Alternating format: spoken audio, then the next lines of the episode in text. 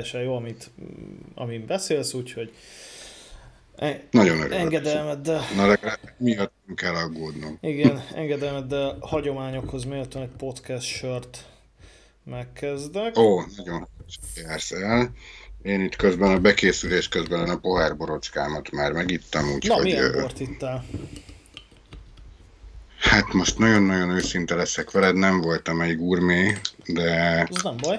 A Lidl polcáról választott Primitivo nevezetű szuper olasz borocskát Aha. a középirányból sikerült valakitől beszereznünk karácsonyi alibi ajándékképpen, Aha. és azt sikerült föl, fölpukkantani tegnap, és így most rájárogatok ilyen kis korcsocskákkal. Egyébként nagyon, nagyon kis kellemes, gyümölcsös, nagyon jó szárassága van, úgyhogy lehet, hogy magamtól is, amikor éppen nem ínyenségre vágyom, akkor... Aha, ez egy vörös? Egy. Igen. Vörös, vörös igen, száraz. Igen. igen. Jó, jó, kiváló. Én magam is egyébként Megmondom az őszintét, hogyha fogyasztok, akkor jellemzően a vörös szárazat, mégpedig a, hát hogyha urizálok, akkor a, a Gere Tamás pincészet. Nagyon jó választás, már most. Abból, és a Cabernet Sauvignon nevű borukat, ami hát ilyen középső polcos mondjuk azt. Ah, igen. E, próbáltam a többit is, ilyen portugízer, meg társai, de hát, mm, hogy mondjam, mindegyikbe találtam egy pici kivetni valót, már Igen. hogyha éppen minőségi borra vágyok, de alapvetően én is ilyen mindenevő vagyok, úgyhogy, úgyhogy ha nem urizálok, akkor éppen, éppen nekem is jó a házi bor, bár sajátom nincsen, mert megmondom őszintén, hogy se, sem időm, sem kedvem annyit tökölni vele, se földem akkora, hogy saját borom legyen, de másoktól, másoktól előfordul, hogy érkezik. Na mit szólsz, csapjunk bele? Belecsaphatunk, hogy ne, simán. Jó. Bátra. Akkor beköszönök, és akkor, és akkor kezdjük is. Tehát... Jól van, gondolom elegendő, ha te elindítod a felvételt. Persze, én rögzítem a te sávodat is, meg a sajátomat is, úgyhogy emiatt ne fájjon a fejed. Üdvözlöm a kedves hallgatókat, ez a Körlámpa Podcast extra kiadásának soron következő adása, melyben ezúttal vendégem Farkas Gábor, üdvözöllek a műsorban. Üdvözöllek, én üdvözlöm a hallgatókat is, sziasztok! Én pedig Imi vagyok, sziasztok! Annyit előjáróban, hogy Gábor hallgatói oldalról csatlakozott itt a műsor vendégeihez. Nem is régóta hallgatsz minket, ha jól tudom. Igen, nagyjából egy körülbelül, hát most már azt mondanám, hogy egy, az utóbbi negyed évben azért már nagyjából veletek voltam, és ugye úgy hallgatom az adásokat, hogy nyilván a frisseket meghallgatom, a köztelévő időben meg, meg visszafelé. Egyébként éppen az utolsó 5 percénél tartok a 2022-es összefoglalónak, úgyhogy büszkén jelenthetem, hogy a 2023-as évet ledaráltam. Autóban munkába járás közben, Aha. ilyesmi alkalmakkor. Ö, valahogy, valahogy eljött egy olyan időszak nálam az elmúlt pár hónapban, hogy, ö, hogy ilyen zenestop van. És elkezdett idegesíteni minden, amit hallgattam vezetés közben, és akkor volt az a pont, hogy, hogy jó, akkor művelődjünk egy kicsit, hangos könyv, jó, nem tudom, néha, néha unalmas volt, inkább, inkább, inkább belealvós, igen, a hangos könyv az olyan lassú. Igen. Az nagyon kellemes otthon, főzés közben, elalvás előtt, stb. Igen, bealvós. Bármi olyan alkalomnál, amikor csilleznél egy könyvvel, de valamiért nem tudsz olvasni, ami még mindig a jobbik eset uh-huh. lenne, ugye? De oké, okay, az, az átmeneti állapotnak jól hangzik, vezetés közben nem. Na és akkor uh-huh. így keressünk autós podcastot, úgyhogy nyilván az ismertek mellett belefutottam a tiétekbe, és nagyon kellemes élmények kötődtek hozzá, hogy ugye ezt már meséltem is nektek, vagy meg is írtam nektek, hogy, hogy nyilván, nyilván tematika mentén haladtok, de értelemszerűen nem egy ilyen agyonírt, nagyon erőltetett műfajban mozogtok Gáborral, hanem, hanem tök jó az, hogy, az, hogy, az, hogy néha megy a szájtrekkelődés, és tök jó beszélgetések zajlanak, és ez nekem nagyon kedves volt. Hát köszönjük, nem egy, nem egy Tóth Szabolcs féle podcast, igen, ahol nagyon modorosan előre megírt, vagy hát ott sem biztos, hogy előre megírt, de egy ilyen lassú vérmérsékletű könyvtáros intelligenciájú podcasterek vagyunk, hanem így igyekszünk azért az átlagot olyan egy kicsit többet hozni.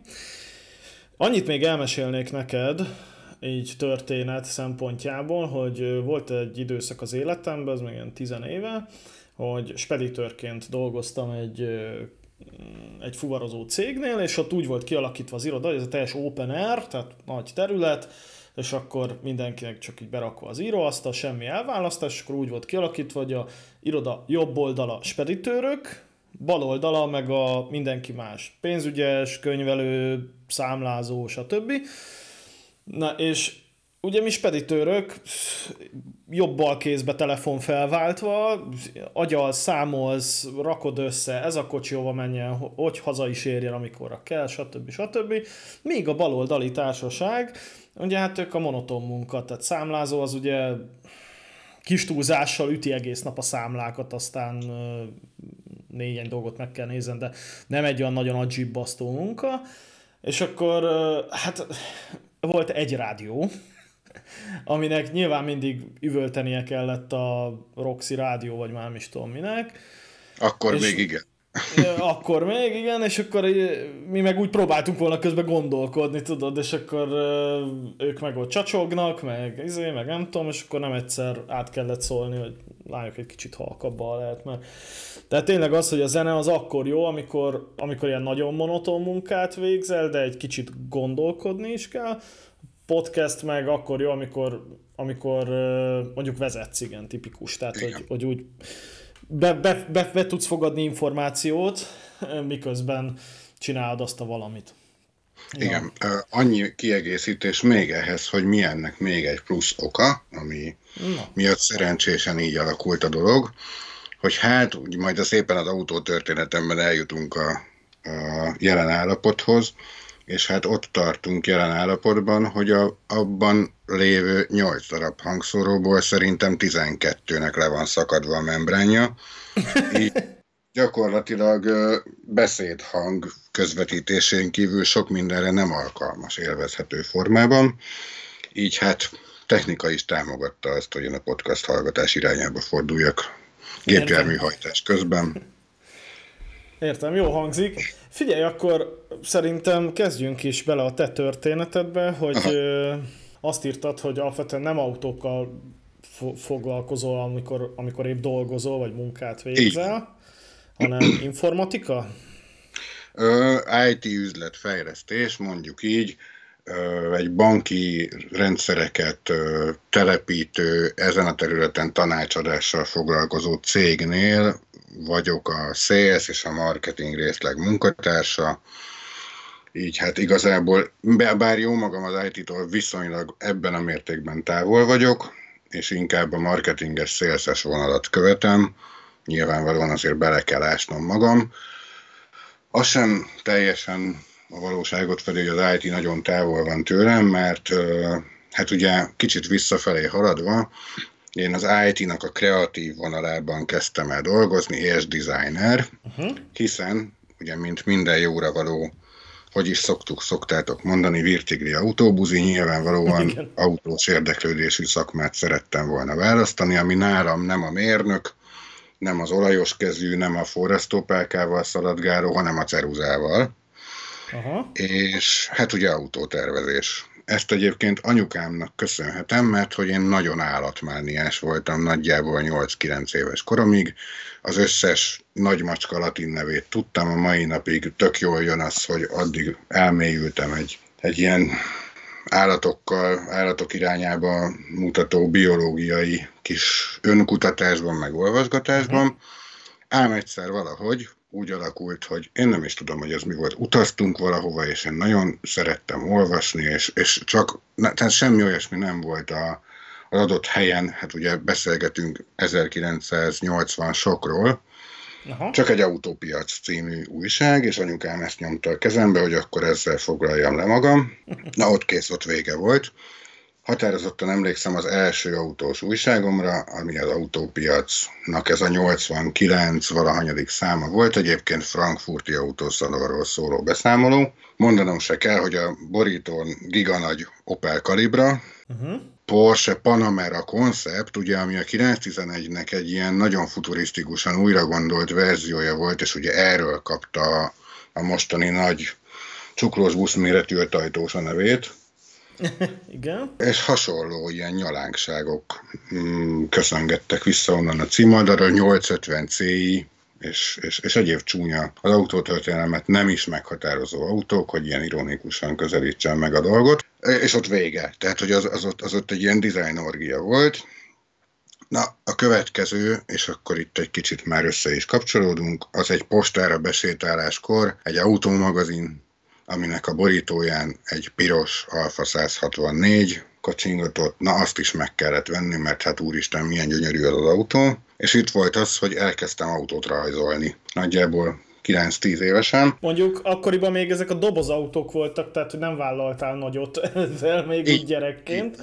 Így, ez annyira nem volt, nem volt nagyon erős vállalás.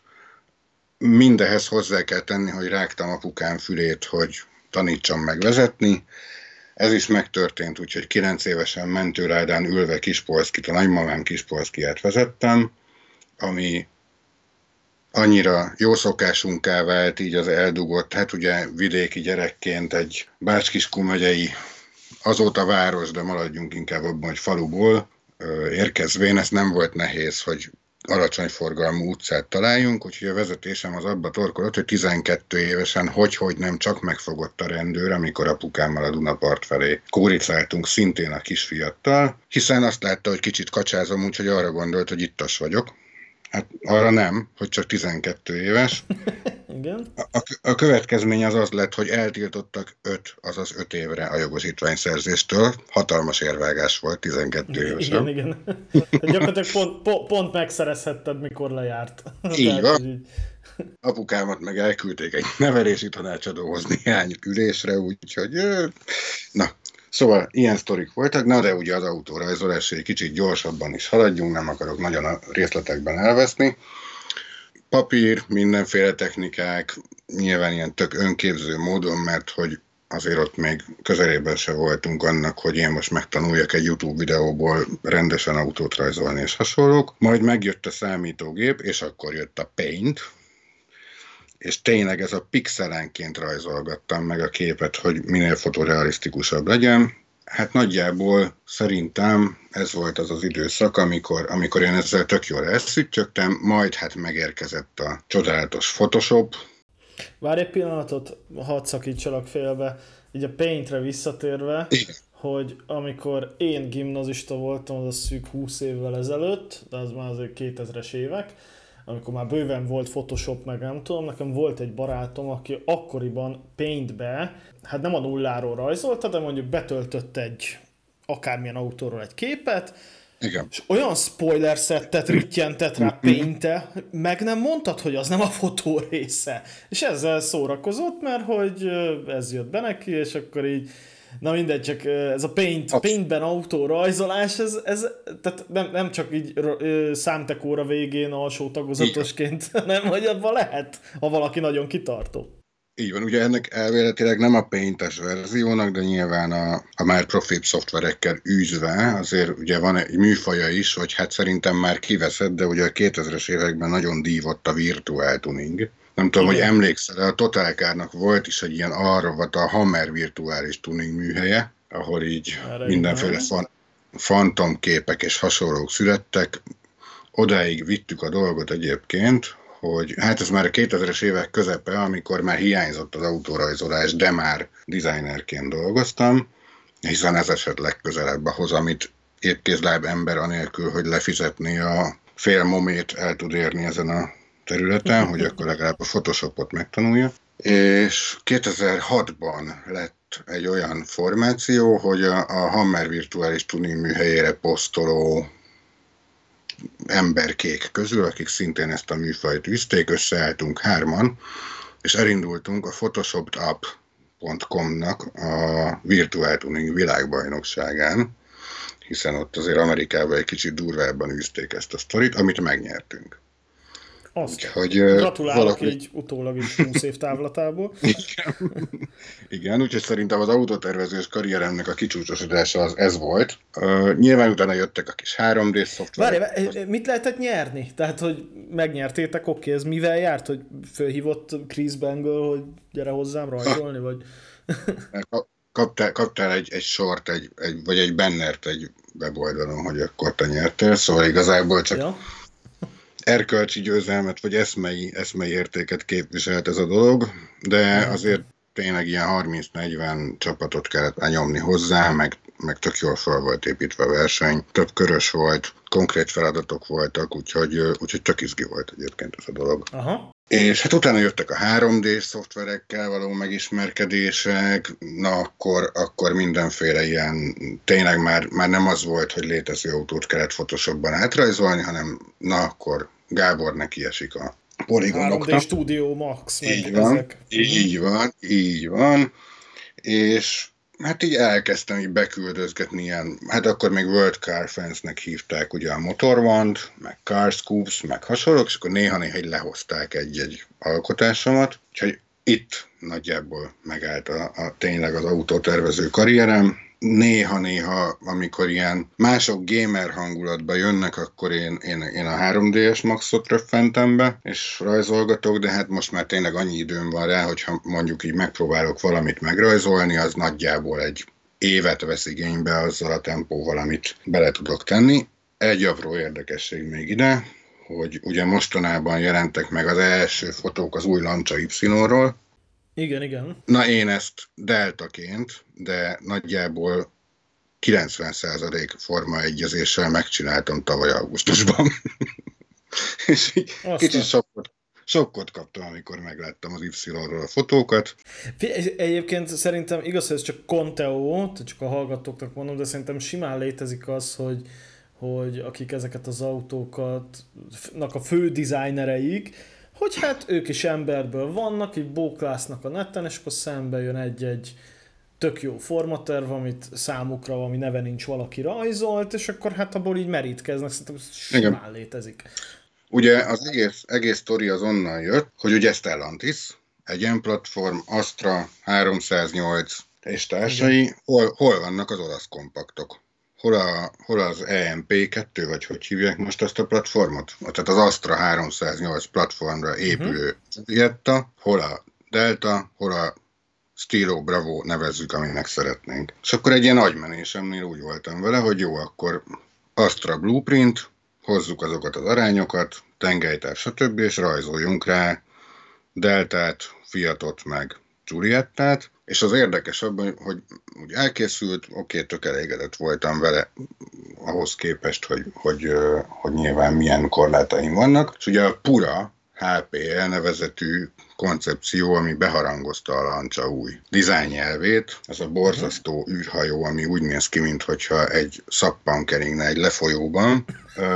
Próbáltam Astra arányokra ráhúzni, és el is küldtem a Kászkupsznak, de soha nem hozták le valamiért, ez most így nem ütötte át az inger küszöböt, úgyhogy gyakorlatilag az egyetlen, ahova elkerült a asztalfiókon vagy a hard drive-on körein kívül, az a Carscoops-nak a mailboxa. Úgyhogy Conteo ide vagy oda, ez még csak ki sem került a netre, de, de nagyon érdekes volt látni azt, hogy, hogy, hogy tök jó megközelítéssel éltem, amikor az új stílusjegyeket próbáltam ráhúzni erre a platformra. Mondjuk azt, hogy akkor nagy jó indulattal mondjuk azt, hogy egy nyelvet beszéltek a csak fő, jelenlegi fő designerével, és hát, hasonlóan gondolkodtuk. Nyilván Vagy titokban tök... te vagy az. igen, igen, és nagyon Bárcsak. jól titkolom. Olyan jól titkolom, uh-huh. hogy, hogy véletlenül ki ne derüljön, hogy ebből szerzett bevételem miatt fölvet a pénz, azért 20 éves fényszarokkal rohangálok, hiszen szeretem a kihívást. Peter Parkeri, aki civilben egy loser, tudod, és akkor, de ellenben a póker ruhában, vagy pókember ruhában csapatja neki. Jó, tehát autodesign, és akkor és akkor úgy döntöttél, hogy valamiből meg is kéne élni, gondolom, és akkor így jött a így ugye, az hát IT. 2000-es évek eleje, miben, miben érhetett ki a kreativitásodat, meg a designer vénádat, Magyarországi internet hőskora, webdesign ezerrel. Azt meg én is csináltam, fú, Jézus Isten. Na, a jó kis flash, igen, meg egyéb animációk. HTML-be, meg nem tudom, fú, igen. Igen, megvan, emlékszem. Így van. A karrierem egyébként így akkor csúszott át a másik oldalra, amikor volt egy lehetőség projektmenedzserként kipróbálni magam, és akkor én úgy éreztem, hogy jobban szeretem ezt a szervezős, koordinációs verziót, mint egy sarokban alkotni egy Photoshop előtt. Hát nagyjából így, így indultam el ezen a projekt meg stratégiai vonalon, de a, ugye a kreatív, kreatív karrier, hát a, a webdesign és a designban való kiérés az, az így nagyon adta magát, és így kanyarodunk rá az autó témára, hogy hogy is lett nekem az első autóm. Igen. Első munkáimból érkezett, ami úgy nézett ki, hogy hát tök jó volt, mert semmi, semmi extra feature nem kellett azért 2000 négyben járunk, igen, egy weboldalhoz, úgyhogy statikus HTML, jó design kész. De hány éves És vagy te ekkor? Bocsáss meg. Ekkor vagyok, 23. Aha. Hát pont, pont. pont. Hát a nagyjából első autót, azt, ha úgy van, akkor kultúrember ilyenkor veszi körülbelül. Igen, igen, igen. Aki nem kapja, hanem veszi, az nagyjából ebben a korban így van nem volt olyan, hát de relatív, mert ugye a nagymamám, aki olyan vagány volt, hogy 56 évesen szerzett jogosítványt, mert elege volt abból, hogy mindenkit rángatnia kell, ha valahova el szeretne menni, és mindehez egy kis polszkit, vele azért osztoztunk, ugye a jogosítvány szerzésem után a, a polákon, de hát az mégiscsak az ő autója volt, na. Uh-huh. És az első webdesign melókból mi, az, mi, a, mi, a, mi az autóbuzi első dolga? Hát hiszen otthon lakik, otthon etetik, igazából nagyon sok mindenre nem is kell költeni. Vegyünk autót. Autotrader című újság, ugye nem használt autó.hu, hanem Autotrader fekete-fehér fotókkal, mm. egy szarabbal. Csoda. Seat Ibiza GTI. Hát hú, hát mi más? mi más? Porsche szelepfedeles. I, nem, nem, sajnos ez már nem, mert hogy ez nem a kockai biza volt, hanem a második generáció. Ja, aha. Hát akkor, egyébként pont ezen gondolkoztam, hogy az az autó, amit megvettem, akkor az 11 éves volt. Egy 93-as évjáratú, a 2000-es 8 szelepes, azt hiszem 115 lóerőt tudhatott. Szedte a lábát akkor. Mindjárt, mindjárt. Szette volna. Szette, volt, szette is, csak nem annyira szerette folyamatosan csinálni.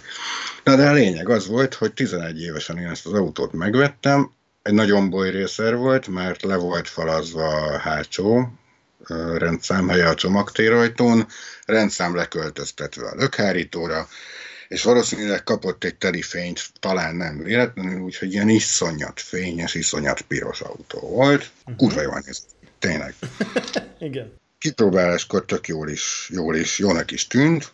Na és ugye, amin gondolkoztam, hogy 11 éves volt az autó, hogy, hogy ez nekem mekkora egy lefingott öreg szarnak tűnt akkor. Meg, meg mennyit szivattak a haverok azzal, hogy ezzel a vénfossal fogsz rohangálni. Hát ma... 11 a fel... éves. Igen. Hát, Ma seggem verném a földhöz egy 11 éves, az mi? 2013 jelen pillanatban? Igen. Egyébként azért annyit tegyünk hozzá, hogy azért a, akkoriban egész más jelentett a 11 éves autó, tehát nekem a 14 éves Zsigulim, igaz, hogy nem egy szállt, de az olyan fénysebességgel rohadt szét, tehát, uh-huh. hogy, tehát, hogy akkoriban a 11 éves autó az legalábbis a többség a szocikból indult ki, és az már azért egy elég, elég lefingottak voltak. Na, tehát so, sokkal több volt a, a széthajtott, szétrohadt, nagy kartergázú, nem tudom milyen autó akkoriban, ami, ami ilyen 80-as évek vége, 90-es évek elejéről származik, mint, mint ma, ugye 11-es, az azt jelenti, hogy passzus 2013-as, tehát ha most nézzük, ami hát azért már egy mondjuk azt, hogy megint elindultak a hanyatlás útján, de, de egy jó karban levő kocsi általában.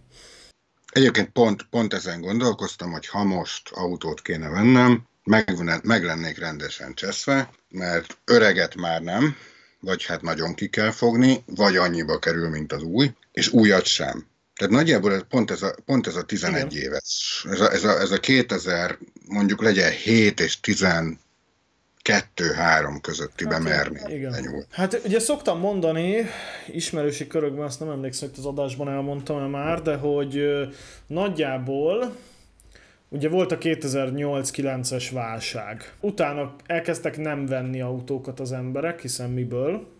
Mindenki örült, hogy kibírja fizetni a svájci frankos lakáshitelét, meg autóhitelét, meg nem tudom mit. Úgyhogy ott nagyjából ez az az évjárat, 2008-tól mondjuk 12-3-ig, ami ilyen főleg cégautó volt, aminek meg hát küldik, mert, mert nem az övék, így van. És érdekes autót sem nagyon adtak el, tehát hogy még régen mindenből volt kupé, meg kabrió, meg sportváltozat, meg OPC, meg én nem tudom miért, addig jött ez a spórolós időszak, persze olcsó a kocsi, hogyha mondjuk fehérbe veszed, és jó, adunk egy elektromos ablakot előre, köbő így, és plusz még ez hozzájön az, hogy ekkor kezdett ez a downsizing.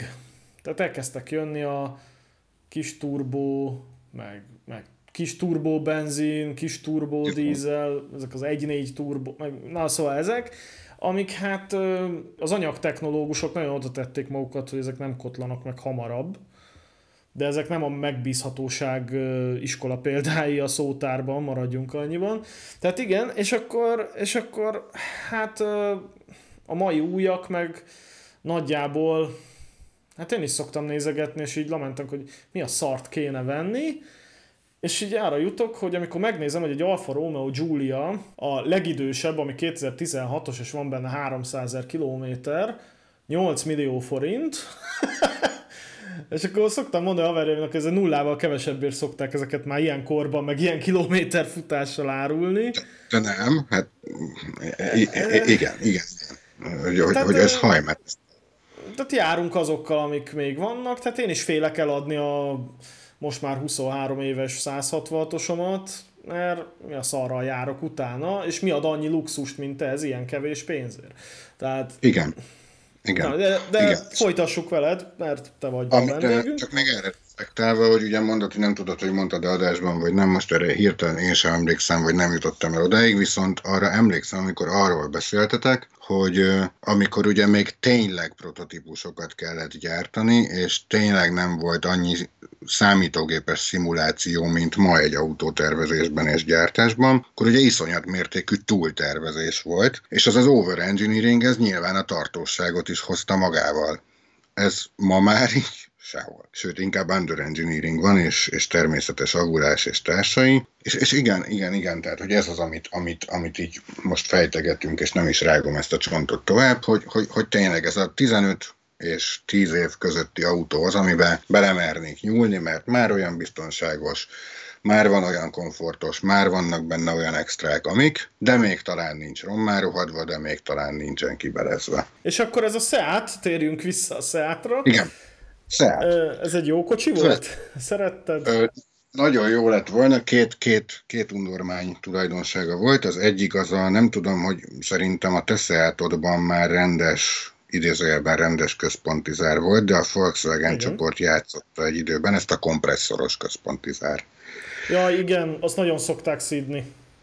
Fú, hát ha értek már undormányt, bárki, bárki aki, aki, akinek ehhez, ehhez így a hallgatók közül volt köze, annak innen küldöm őszinte részvétemet és együttérzésemet, hogy miért kellett ezt kitalálni, hogy egy kurva kompresszorral és gumicsővel kell bekattintani azt a rohadék zárat. Tehát egyszerűen föl nem fogom, hogy az elektronyos vezeték miért nem volt megfelelő erre. Már csak azért sem, mert nem hiszem, hogy olcsóbb gyártani. Na, szóval lényegtelen bármelyik gumicső képes volt bármikor megadni magát. Ez a, a, amikor az Andrási úton a Louis Vuitton bolt előtt van az egyetlen parkolóhely, és a háromajtósba úgy kell bejutnod, hogy a nem működő csomagtér teleszkópos ajtót a seggedre húzva bebújsz, és húzott fel a zárógombot az ajtón, mert hál' Istennek legalább az volt rajta. Az, na, ezek, ezek így a kellemetlenségek. Viszont a legdurvább az az volt, hogy az autó azt játszotta, és ma már azért jóval tapasztaltabb és többet szívott fejjel, azért lenne tippem, hogy valamelyik jeladó lehetett a hibás, de nagyjából 50 kilométerenként az történt,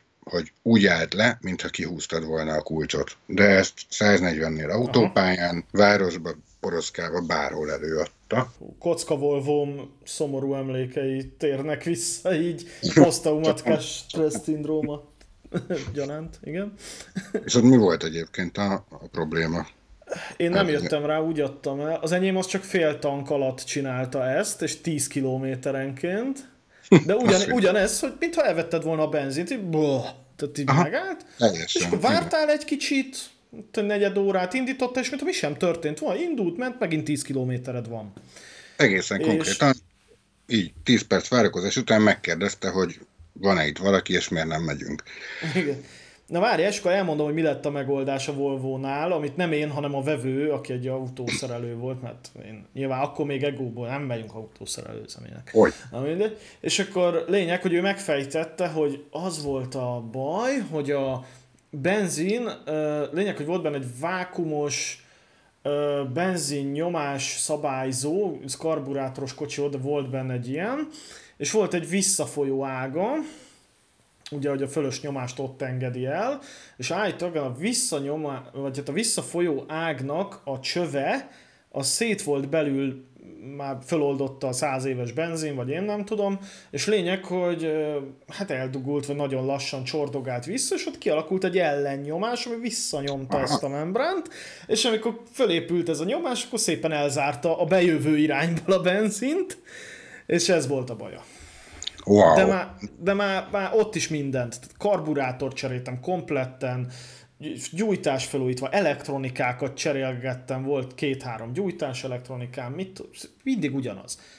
És, uh-huh. akkor, és akkor Hát ilyen egyszerű megoldás volt, mikor a fél autót kicseréltem és eladtam, na mindegy. Tehát a Seat is tudta ezek szerint, ez csak 50 km, ez egy fokkal jobb, mert akkor van egy élhető távolságod azért.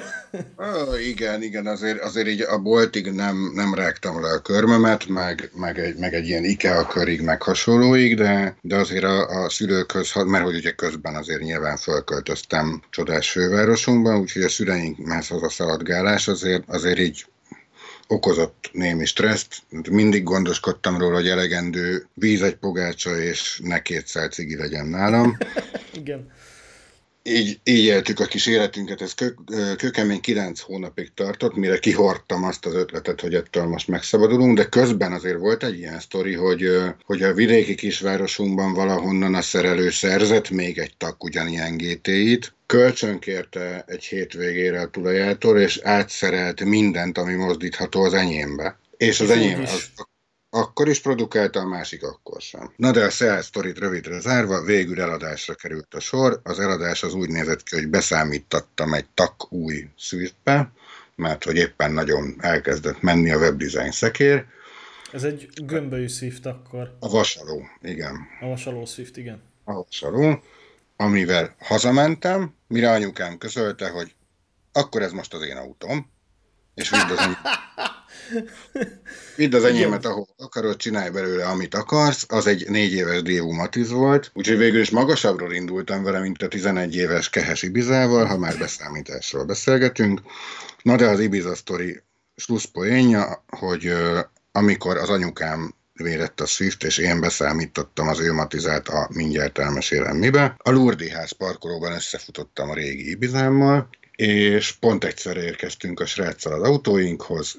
Hát nyilván nem árultam el, hogy az enyém volt, hanem azt mondtam, hogy új, szép, de jól néz ki, még mindig jól nézett ki kívülről. Hú, de szép autó, nagyon állat, nekem is volt ilyen, csak hát úgy annyira nem szerettem, mert ilyeneket játszott, hogy megállt 50 kilométerenként, ezzel nincs baj. Mire srác közölt, hogy hát Amióta megvettem, egy csavart nem kellett meghúzni rajta. És ekkor már egy éve nála volt.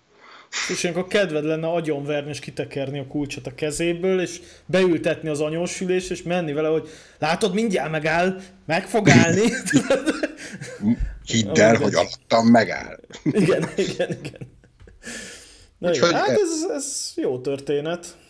Igen. Hát figyelj, még annyit a Volvomhoz, hogy aki megvette, és végül ezt a hibát megcsinált, ő egyseggel kiment vele Norvégiába, tehát azért, azért vette.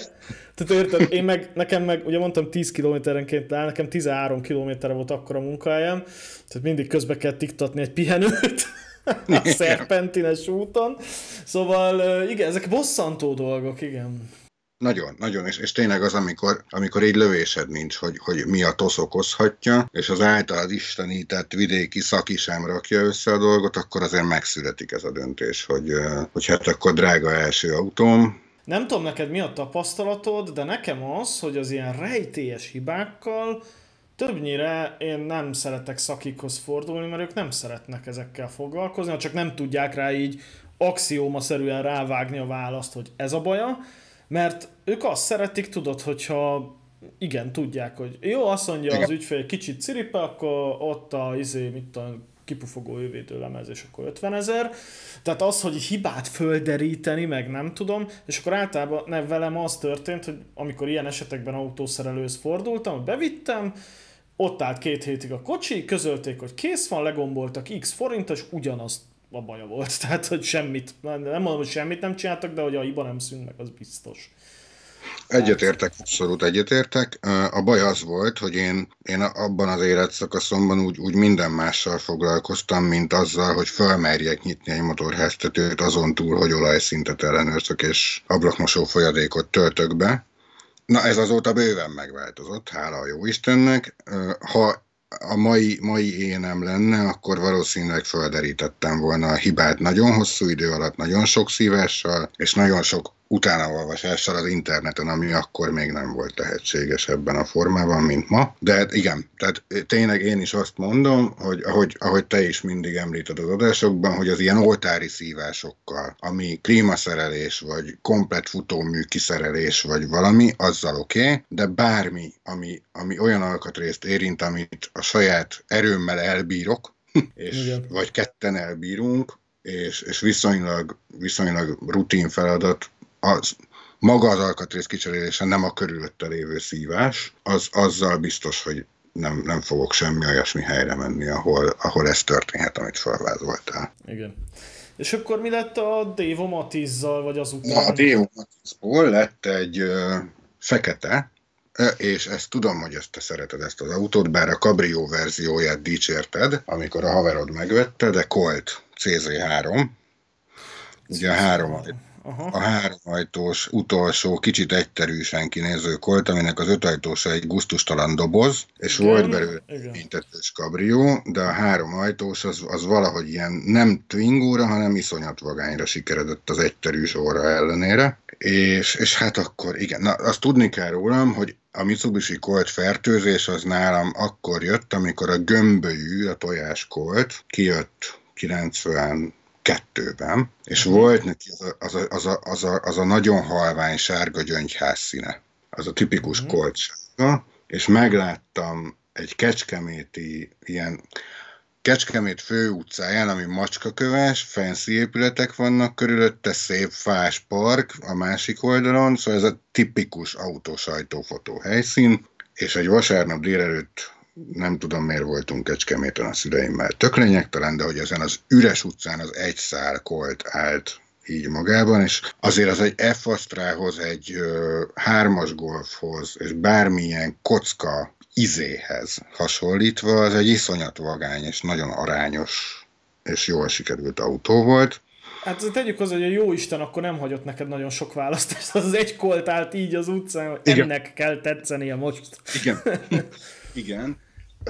És a, hogy mit ad Isten, az unokatesom nagyjából két hét múlva beállított egy ilyen céges autóval, úgyhogy volt alkalom kipróbálni is, uh-huh. és azért, azért ott oda tették magukat a japánok a, a, a bajuszosnak nevezett, ugye a kis fölkanyarodó indexű kolt volt az erődje, hát ahhoz képest olyan, mintha űrhajót hoztak volna ki, és, és azért össze volt rakva az a gép, tök jól ment, tényleg ilyen modern autónak tűnt, és én mindig ilyen elérhető autómániás voltam. Tehát, hogy, hogyha most azt mondanád, hogy, hogy mi az, amit, amit nem egy lottóötösből, meg nem más pénzéből, de ha mondjuk úgy tehetős lennék és vehetnék valamit, akkor, akkor, akkor nem mutogatnék ilyen... Na, akkor mit vennél? Most már így, most már így beszaladtál be az utcába, akkor mit vennél? Beszaladtam? Igen. Hát, ha, hogyha minden... tudsz konkrétat, akkor... Igen. Ha mindenképpen kényszerítenének ma egy szalomból kihozott autó megvásárlására, hát nyilván az a sokat emlegetett Giulia az, az azért, azért, azért az a listán van. Mazda 3, talán. Igen, megértem. Egy ilyen, ilyen fekete felni, fekete hűtőrecs, nem gyárilag krómozott, full fekete, az, az, az a gyengém, ez a Murder Doubt vagy Black Doubt stílus, hogyha gyáriban van, az meg még királyabb. Uh-huh. Akkor neked a mindenféle Black Editionnek nevezett dolgokat oh, te szereted. igen, igen, igen, igen. Azok jöhetnek, és most fog mindenki megkövezni, lehet, hogy egy Audi A3, ha nem is RS3, ami azért nyilván egy, egy, egy elszállt valami, de, de valami kis masszívabb, mert, mert tök racionális autó, mégiscsak egy kicsit presztíz autó, de én, én nem vagyok ilyen nagy testpedős szedám, vagy, vagy, vagy elérhetetlen, használhatatlan sportautómániás. Én tudom, hogy, hogy, hogy napi minimum 60 km az agglomerációban élésem miatt az, amit autóban töltök, legyen kényelmes, kicsi, vagányul kinéző, jól használható, legyen oké okay az autópályán is, amikor bemegyek, és a városba is le tudjam tenni valahova, ne csak egy, egy, egy ilyen loftlakás méretű helyre. Igen. És egyszerűen nem tudok ettől elvonatkoztatni, hogy, hogy, hogy most akkor nedves álmaim azok szóljanak inkább egy, egy, egy 33 Stradaléról, ha már alfánál tartunk, mert nem. Hát, hogy, hogy biztos túl racionális lény vagyok, de tényleg így a megfoghatóság határán. Csak annyi, hogy az Audira visszatérve, hogy, hogy nem vagyok német automániás, nagyon nem, de valamiért a most futó Audi dizájnok azok, azok, azok így, így megfogtak és beütöttek. Ne kérdezd, hogy miért, talán, talán azért, mert, mert már annyira hideg, penge, mérnöki valami, hogy már attól lesz neki lelke, hogy semennyi sincs. Igen, igen, ezt nagyon szépen összefoglaltad, igen.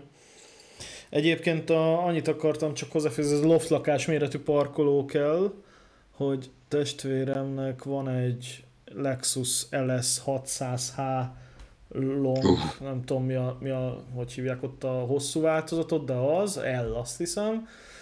Uh. Ö, előtte volt neki Volvo S80, 4 2 V8, vagy 4 4 V8, Na mind a kettő akkora autó, pedig a Volvo az még egy kis autó, szerint a Lexus mellett, hogy, hogy állandóan összetörték. Tehát, hogy, hogy úgy, hogy ja, áll a parkolóba, kilóg a segge, mindig belement valaki, neki ment valaki, lehúzták, elment a nem tudom milyen vészfékező szenzor a hátuljába, félmillió, akármi, tehát, hogy, hogy jó, mindig megtalálta, meg betétlap, meg oké, okay, de hát figyelj, mutogatta a számlákat, hogy mit mennyiért cseréltettek ki, meg egyszer még talán Lexusra kellett venni egy új felnit, mert még azt is összetörték, tehát olyan úgy röpködnek a százezrek, de úgy, hogy pff, és, és hiába van szép autód, meg oké, okay, megcsináltatod, már szép nagy autód, de akkor is, hogy állandóan, mit tudom én, három havonta ott ülsz a szervizben, mert valami hülye már megint neki ment, az nem egy jó dolog Budapesten, az meg máshol sem. Az nem. És, és nagyon, nagyon elevenemre tapintottál, mert ugorjunk gyorsan 2020-ba, csak hogy erre a sztorira ráköthessek. Jó. Amiért nem iszom a saját vagy a családom borát, az az, hogy volt szőlőnk, de már nem igazán akarta senki fenntartani, és úgy döntött a család, hogy eladjuk, és szétdobáljuk a tesók között ennek az árát. Hát most azért el tudod képzelni, hogy milyen mennyiségű pénzről beszélgetünk egy vidéki, viszonylag kisméretű szőlő esetén, hát nem de abból, ab, nem. De abból nekem mi lett? Nyilván autó, itt jött a Astra. De hát, ha már Astra, akkor GTC. Egyébként ott kezdődött, hogy Audi A3. ki. Igen. A, a, a GTC Astra az egy Bertone kocsi, vagy forma, és ez nem egy rossz forma. Igen, igen, igen. Szerintem nagyon-nagyon eltalált design, baromi jó egyébként. A, tehát a, én azt mondom, hogy a h én nem tudom, hogy mit pakoláztak ők, ők annak idején bele, de hogy, hogy azért a konkurenseivel nyilván ebben a korban már elég sokat utazik az ember, ha más nem, taxi, kollégák, stb. Azt leszámítva, hogy kicsit, kicsit nagyon robot design lett a belső, és kicsit puritán, az egy iszonyat kényelmes, komfortos, csendes, jól futó autó, úgyhogy én nagyon kellemeset csalódtam benne. Viszont valamiért ez a, ez a sima ötajtós irány, ez, ez, ez, ez volt az, amit, amivel a Háasztrát azonosítottam, és így tökre kívülesett a képen, és akkor is A3-at vadáztam már természetesen, uh-huh. csak még, hát ugye vele egykorút kb., de mindegyik egy retek szar volt, az ajtódíszléc alatti szokásos szétrohadás, a széthajtottság, a PDTDI, a, és hadd ne soroljam, és ugye már, már így az utolsó helyre mentünk el egy utolsót megnézni barátommal, és akkor barátom kiszúrta ezt, a, ezt az asztrát a, az A3 mellett, és mondtam is neki, hogy hagyjál már békén, ez, ez egy Astra. Na igen, csak aztán körbesételve kiderült, hogy egy GTC. Így hát összeköltöztünk, na de az összetörés. GTC-mnek uh, úgy lett sanyarú sorsa, azért menthető volt, de természetesen gazdasági totálkár lett a vége, hogy ott se voltam. Egy román kamionos próbált megfordulni egy iszonyat szűk helyen, egy parkolóban pótos nyergessel, uh-huh. és a pótkocsinak a sarkát. Bekaszált a sarka. Sikerült beletolnia a C-oszlopba és a hátsó servédőbe úgy, hogy a, bocs, hogyha nem tudom a kifejezést, kérlek javíts ki, mert engem érdekel, hogy hívják, de a kampót, amire a ponyva feszítőt akasztod rá, vagy magát a ponyvát, ugye ez a felfelé, vagy talán, mm. igen, fölfelé áll a görbülete a kampónak, ugye ez van végigrakva a, a pótnak a szélén, és erre akasztod rá a ponyvát. Mi is kampónak hívjuk. Igen. Akkor tök jó. szóval ezzel a kampóval leszántott egy kis darabot az asztrából, meg leszakadt a lökhárító, mert ugye az ott a lámpáig följön viszonylag magasra. Üvegek lámpa megúszta, de hát nyilván egy olyan része sérült, ami a szerkezet része. Uh-huh. Úgyhogy Hát ez, ez, ez, ez, ez amikor így, így meglátod, így visszamész a parkolóba, és, és még ott van, hála a jó Istennek elkaptam a csávót, és tök jó fej volt, és együttműködő, és stb., de ez azon már nem segít, hogy, hogy így konkrétan sírógörcsöt kaptam, amikor megláttam az autót. Úgyhogy igen, és azért ez nem volt egy nagy autó, csak az, amivel találkozott, úgyhogy abszolút együtt tudok érezni ezzel a, a nagy autót, hogy mersz leparkolni feelinggel. Igen. Hát igen, és megmondom őszintén neked, hogy az összes ilyen kis szériás, egyedi karosszériás, még ha egy Opelről is beszélünk, mint a GTC, kaszni elemet találni, az valami horror. Tehát, hogy nincs. Vagy valaki bont, de abban pont az lesz szétrohadva, tehát, hogy ilyen lehetetlen Igen. szinte. Igen. Uh, ami, ami nagyon jó, hogy szerintem ez most így lehet, hogy túlzóan fog hangozni, nem, nem igazán vagyok így a social médiának a, az oszlopos tagja, inkább megfigyelő, és a Facebookot leginkább arra használom, hogy tematikus csoportokban információt szerezzek.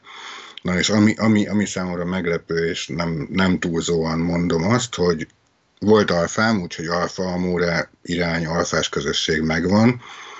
Az Operastra H Magyarország Facebook csoport konkrétan hozza azt az összetartást, és, és, és kedvességet, és segítőkészséget, és információ elrámlást, mint egy alfás közösség. Úgyhogy... Tényleg?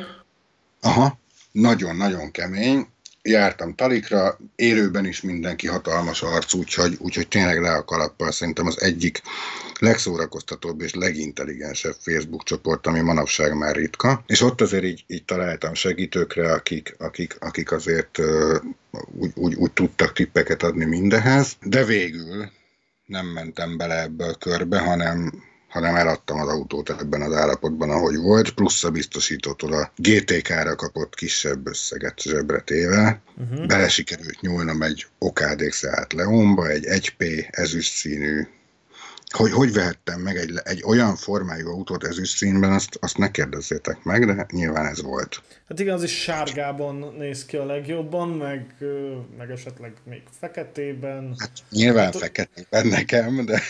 Hát, hát ugye a Seat, amit most már Gábor barátnője birtoka, az is egy, egy M karosszéria, tehát ugyanaz a igen. Leon valószínűleg. Már az elejében ugyanaz. Ez az egyen újabb, a Walter da Silva féle, az 1P, ugye a gömbölyű. Igen, igen, de az 1M az ugyanaz, az, ugyanaz a széria. Igen. Na és, és miért volt okádék? Ez egy dízel, benzines? Ez egy 1.6-8 szerep benzin, a világ legjobb motorja állítólag, ha azt akarod, hogy kimenjen a világból, amúgy sok minden másra Aha. nem jó. A motoron kívül semmivel nem volt probléma, vagy a motoron, bocsánat, a motoron kívül mindennel probléma volt az autónál. Talán még a kaszni volt olyan, hogy, hogy igazából ezért hoztam el, mert motor jónak tűnt, az nem is volt vele semmi gond, kaszni az küszöb minden van hozzá, hiszen négyes golf, úgyhogy mi baj küszöb lehet? Eleje, így van, pontosan, hiszen négyes küszöb eleje rohadt, 60 ezer forintra megcsinálták pöpecül, oké, okay, belefér, nyilván ilyenekkel az ember elhoz autót. Katalizátor benne, ami azért nagy szó egy közel 300 ezeret futott autónál Magyarországon, főleg ha magyar.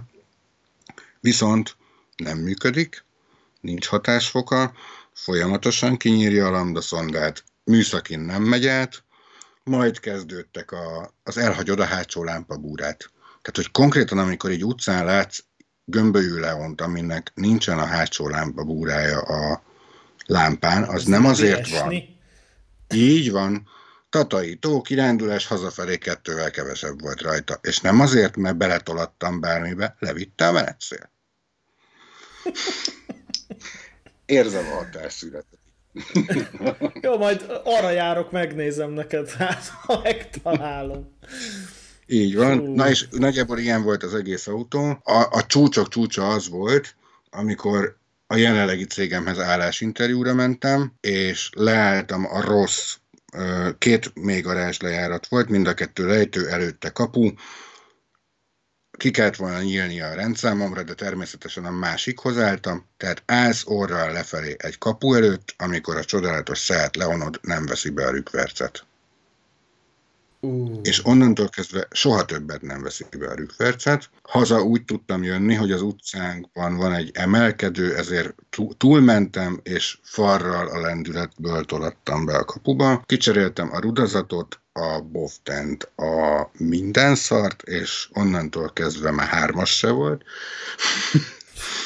és, és, és tetőzött, kész. Tehát, hogy az volt az a pont, amikor tetőzött Na és itt mondom mindenkinek azt, aki használt autóval, hát jár, talán ezt mondhatom. Igen. Hogy az, az, az, hogy, hogy így ezeket azért sikerült felderíteni, hogy erről a kedves eladókereskedés mind tudott, hogy ezek trék az autóban, és volt egy teljesen véletlenül kötött jogi asszisztans vagy jogsegély biztosításom, Na az, azért az, az ezen a ponton nagyon jól jött. Nem vagyok egy balhézós fajta, nem vagyok az, aki visszavíz dolgokat a boltba, a kereskedőhöz, a bárhova, de itt így elcsattant az agyam, és főleg azért csattant el az agyam, mert az Astrán még meg volt náluk, nem adták el fél év alatt, uh-huh. és meg volt csinálva. Úgyhogy bepróbálkoztam azzal, hogy srácok, ez így nettó hibás teljesítést cseréljük vissza, jó? Úgyhogy, úgyhogy sikerült ezt, ezt némi jogi segítséggel eljátszani, úgyhogy a GTC-t kétszer is sikerült megvennem. Kétszer örültél neki. Kétszer örültem neki. Viszont egyébként én nem tudom, hogy hogy, hogy, hogy, hogy nyúlhattam bele annak ellenére, hogy imádtam azt az autót, de ahogy Gábor is mondta, hogy nem merte megvenni az 1.7 CDT-it, hát én sajnos megvettem és, és ilyen iszonyat százezreket borítottam bele az autóba havi szinten, úgyhogy az is ment. Várj, ez, ez, most, ez most egy H-Astra? Ez a, a GTC? Volt a GTC, az egy 1.7 CDTI volt, ugye Gábori 1.9-es, ha jól tudom. Igen, nézni. igen, 1.9. Ő, ő dicséri is, meg mindenki dicséri is azt a motort, és az 1.7 idézőjelben Isuzu, mert azért onnan indultunk, igen. motor az, amitől azért így óva integetnek, hát én nem Pedig régen, Régen azt mondták mindig, az Isuzu dízelt kell venni, mert az a, az a valami. Igen, amíg, el nem, amíg át nem alakították komorére. Á, aha. Ugye onnantól jöttek a bajok, halódik a porlasztó, kokszosodik, mint az állat, a szelepfedelet az szinte havonta kicserélgetheted benne. Ö, a kettős tömegű 30 ezer kilométerig bírta az új benne, úgyhogy hogy onnantól kezdve már, amit amit, amit lehet a kettős tömegű óvásáért tenni, azt megtettem. Hát, hogy uh-huh. soha nem indítottam el úgy, hogy sebességben van kinyomott kuplunga, mindig úgy állítottam le, hogy üresben kuplung kinyomva, soha nem járattam ilyen alapjárat körüli fordulatszámokon dugóba sem, tehát a, tényleg ez a, ez a, már mindenki hülyének nézett, hogy hogy vezetek, mondtam, hogy úgy, mint akinek 400 ezerbe került egy kettős tömegű csere nemrég. Uh-huh. Úgyhogy ez. Na de kihagytunk egy szép nagy kört, úgyhogy én... Az alfák? Egy nagyon rövid mondatban így el, elmesélném a vicces szívest. Egyébként készítettem egy nagyon vicces statisztikát, Jó. hogy ez a bizonyos 2004. szeptember 29-i Ibiza vásárlás, mint első autó óta, az autók vételárát vettem csak bele, 16 millió 600 ezer forintot költöttem autóra. Azért ettől így kicsit rosszul lettem. Ez egyébként ez kicsit túl Igen. De levontad belőle az eladási árat? Nem. Aha. Nem. Ö, azért ennyire nem akartam belemenni, csak kíváncsi voltam, hogy hát ha hozok valami érdekességet a műsorban, de ugye azt azért tegyük hozzá, hogy egy gram szerviz költség nincs benne, úgyhogy ha nem vonjuk le az eladásit, akkor lehet, hogy pariba van. Nagyjából ennyi. Aha. Mert ugye a legbrutálisabb tétel az ugye a CZ3 újonnan 3 millió 50 ezerért. Uh-huh. Úgyhogy annyi, annyira nincsenek elszállt árak benne. 17 autóról beszélgetünk, úgyhogy a 20 plusszal tévedtem egy kicsit, de ugye egy 17 autóról beszélünk azóta, és hát ha ezt levetítem arra, hogy ez havi 70 ezer forint, akkor lehet, hogy jobban jártam volna, ha egy operatív leasinggel kezdem az egészet. hát, figyelj, jó, persze így, így viccesnek vicces, de hogy mondjam, tehát az új autót vevő ismerősém, akik nincsenek sokan, ők azt mondják, hogy az is egy szívás. Tehát állandóan, oké, okay, hogy Gari meg, meg nem ők fizetik, de hogy állandóan valamiért szervizbe kell rohangálni, és ilyen megdöbbentő dolgok miatt, tehát hogy mit egyszer csak elszáll a motorvezérlő elektronika. Meg ilyen. Igen. Tehát, hogy, és, és állandóan ott ülnek a szervizbe az új autójukkal.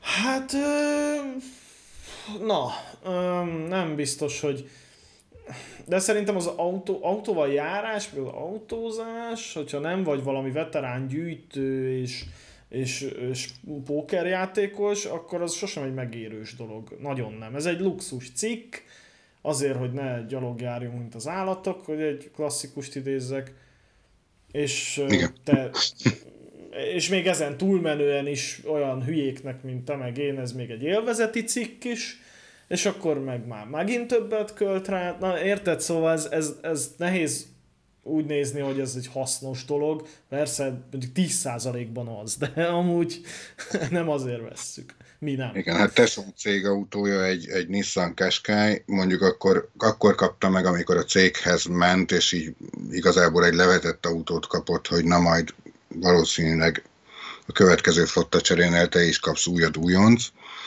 A három éves Qashqai-nak lett egy olyan problémája, hogy az AdBlue tartályon, a szokásos AdBlue tartály kikristályosodik benne, az AdBlue megdöglik ettől a, az üzemanyagrendszer, illetve annyira telítődött a DPF szűrője, hogy, hogy már nem igazán akart limp módon kívül semmiben menni az autó. Na ezt én állapítottam meg egy kínai bluetoothos ELM30 vagy 327-es OBD olvasóval és egy szoftverrel, a szerviznek négy és fél hónapon keresztül nem sikerült kideríteni, hogy mi az autóbaja. És úgy adták vissza kétszer, hogy a kipufogógáz az utastérbe távozott, mert mint kiderült, a, ki kéne, vagy legalábbis le kéne húzni a motort ugye a, a DPF cseréhez. Nem tudom pontosan, mert Tesson magyarázta el, aki kb. így kontármódon valamennyit ért az autókhoz,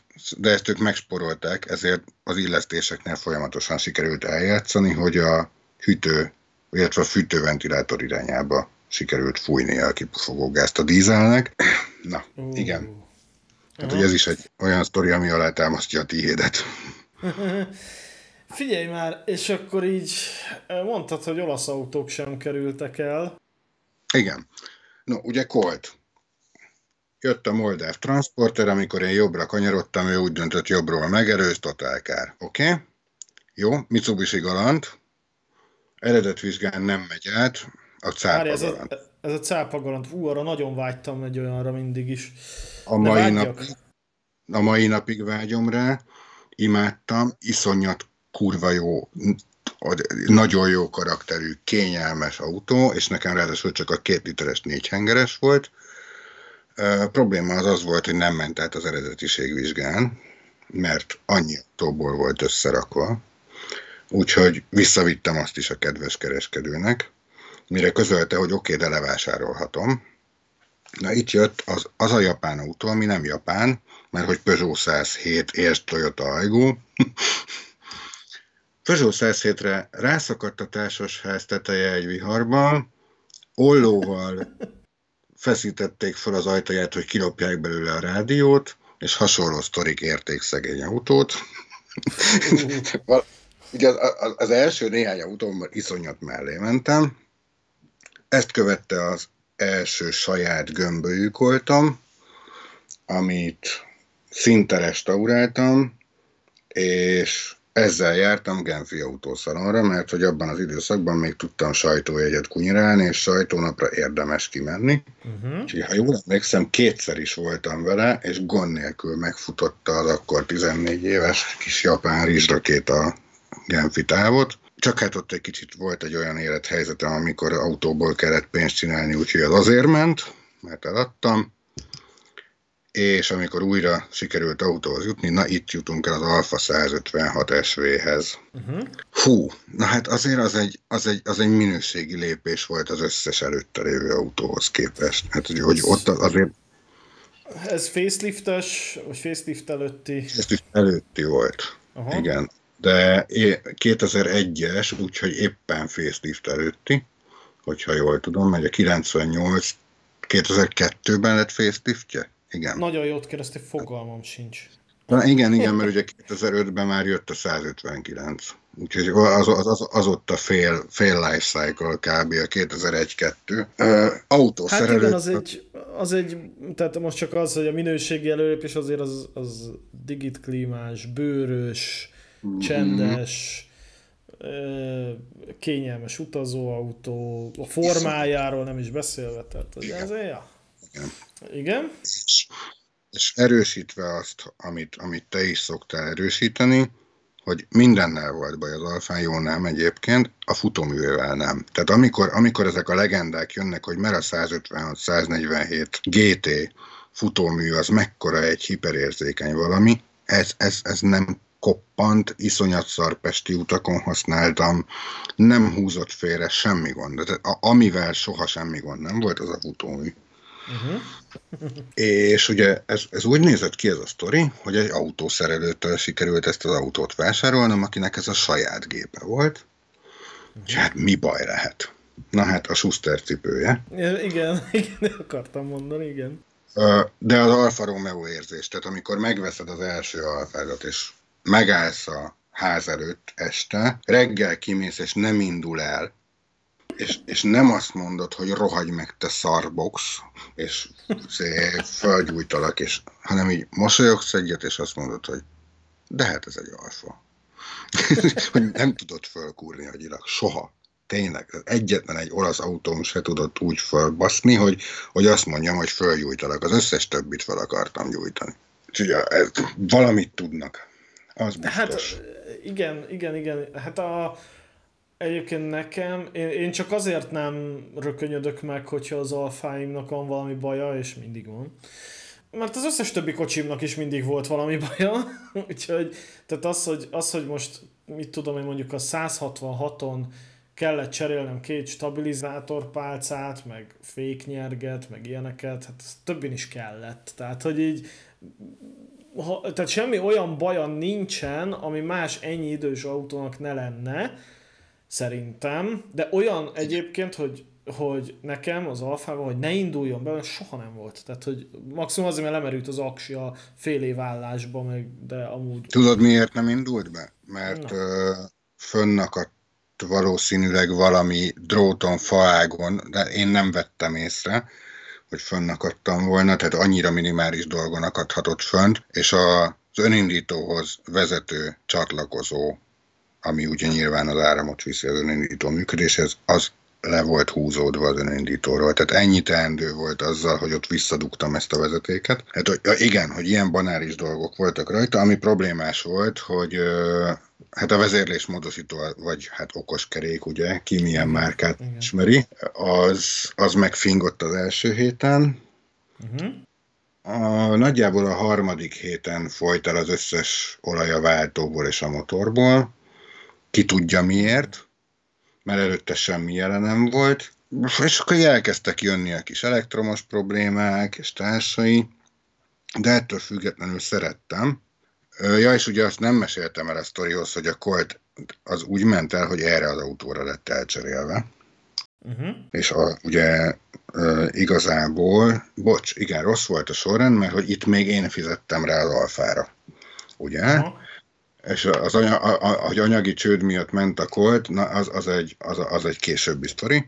De hogy itt is a Coltom is kétszer volt meg, mint a gtc mert hogy fél év alfával szívás után fölhívott a szerelős srác, akivel elcseréltük az alfára a Coltot, hogy figyelj, hiányzik az Alfa romeo Mondod? És Igen. mondtam neki, hogy hát, és a, pont akkor volt az, hogy, hogy éppen, na, majdnem mondtam, hogy AOG volt, az AOG a, van, egy, van egy, a legjobb barátom 2000, nem tudom, kevés óta reptéri, meg repülő, repülés kiszolgálás és hasonló területeken dolgozik, és ő szokott viccelődni ezekkel a rövidítésekkel, amikor, amikor szívok az autóimmal, akkor repülőgépes hasonlatokat hoz. Ezért már reflexből mondom őket én is. Az AOG az ugye az Aircraft on Ground, vagyis a mozdulatlan repülőgép. Tehát éppen, éppen AOG volt az alfa. Aha amikor felhívott a srác, és mondtam, hogy figyelj, vidd innen a picsába, tök jól jött az, hogy visszajött a kolt, tök jól jött az, hogy visszajött némi pénz is vele, úgyhogy hát így lett vége az első olasz autós korszaknak. Uh-huh. Közben volt a családban egy olyan, hogy Lancia Beta HP-je. Ugye ez a, ez a shooting break kialakítású Lancia Beta, mert ugye az eredeti Beta az egy sima kupé, kétajtós. Várjál, a ez ami Scorpio néven is ment, nem? Ez ami a egyik Herbie filmben volt. Azt hiszem, igen. Várjál, rákeresek, mert... Hát... Én is épp ezt teszem. Ez a Lancia Scorpio. Scorpion, azt hiszem, ilyen néven ment. Ez az. Ha. Ez nem. az? Nem, nem. Az... Nem. De hasonló a karakter, csak ez egy rendes, négyüléses, kicsit túra kombi. Igen, látom. Igen. De Jó, hát okay. karakter ez ugyanez. Kettes golf lapítva. Kis túlzással. Igen. igen. Igen, iszonyat karakteres, egyébként nagyon jól nézett ki. Apukám használta, úgyhogy azért olasz autó kapcsolódás az így kicsit közvetebb, közvetettebben volt, mint ha az enyém lett volna.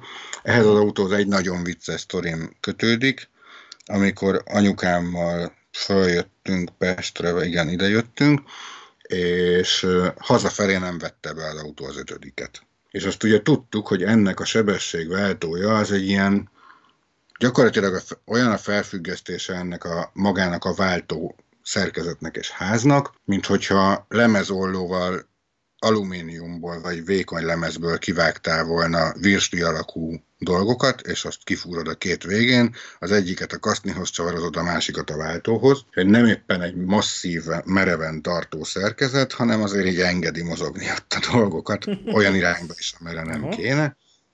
Úgyhogy az, hogy néha nem vett sebességet, az tök normál volt. Nem vette az ötödiket, mondom, fia, anyu, tegyük már be ötödikbe, hát mégsem negyedikbe húzzuk már itt végig az autópályán hazafelé. És dehogy, hogy. Hát, mondom, te húzod magad felé, én meg tolom előre a kart. Jó. Na ennek lett az a vége, hogy az egész váltókar és a, a váltó mechanizmushoz vezető karzat, az így kiszakadt. és így én nagyon elkezdtem rögni, mert az egész úgy nézett ki, mintha valami nagyon ócska horrorfilmben valakinek a koponyájánál fogva kitépték volna a gerincét. Így lifegett egy ilyen gomb végén egy és az autó üresben. Uh-huh. És hát igazából végül nem tudom, hogy mit hova dugdostunk vissza, és mit löktem meg, de hármasban mentünk vele végül haza, de és ugyanezen az úton volt az, hogy az egyik fékezésnél mindkét oldalablak spontán beleszakadt az ajtóba, kigúvatt a négy fényszóró közül az egyik, és hasonló finomságok, és egy másik úton történt meg az, hogy egy hátsó defektnél, amikor fölemeltük emelővel az autót, akkor a hátsó futómű felső bekötési pontjából, így a hátsó vagy azzal együtt nem emelkedett a futómű, maradjunk ennyiben. Úgyhogy volt ott baj. Jó, de milyen menő már ez a műszerfal? Jó volt egyébként, mindig megbámulták, nem tudtál úgy tankolni, hogy, hogy, hogy ne lengje körbe nem csak a kút személyzete, hanem a többi vásárló, és egy ilyen kézzel nyitható fém tolótető volt rajta, ami szinte az egész tetejét betakarta. Az egész autó szerintem lehetett kb. 850 kg, és ehhez volt egy két literes injektoros 120 továs motor benne. Szóval azért volt ilyen. Uh-huh. Volt élmény. És, és, és tényleg ilyen kis, tehát ez az igazi Gran Turismo volt. Egyébként a, a kinézete is, hátul a felépítése, gondolom azért lett ilyen a rendes bétához képest, hogy el lehessen férni, de hogy olyan hangulatvilágítások voltak annak az autónak a hátsó ülés sora körül, hogy így Jézusom mi történik. A lábtér, a térképzseb, a tetőből olyan, hogy a vezetőt egyáltalán nem zavarja, de az öletbe világít folyamatosan, és nagyon meg volt csinálva az a gép. Bocsáss meg, annyi kitekintés, most itt olvasom, hogy a, a Scorpion az, az ebből a bétából volt, csak nálunk Európában Monte Carlo-nak hívták, Aha. és más az eleje, meg mit tudom én, de, de hogy ez a bétából van, ez a lényeg. Uh-huh. Ja. Na és ez a te kocsid lett? Hogy oh. karakter, nem, nem sajnos, ez, ez így csúfondáros véget ért az, az autó.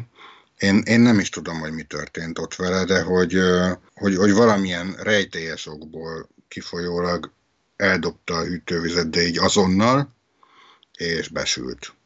És hát azt, ezt, ezt nem tudtad már motorgeneráloztatni, és hasonlók, úgyhogy apukám valahova el kótyavetjelte, amit, amit nyilván azóta az egész család bár, uh-huh. de, de nincs már meg sajnos. Hát ezt, ezt többen siratjuk most szerintem a hallgatókkal ezt most nagyon, igen, igen. Ami, ami, ami nekem, nekem iszonyat módon fáj, hogy legalább a felnit levehette volna róla, mert ez, ez már, már 4x 98-as volt, és, és, és ilyen szép nyolcágú alu, azt hiszem talán csak 15-ös, de, de jó lett volna, az még valamire térinek.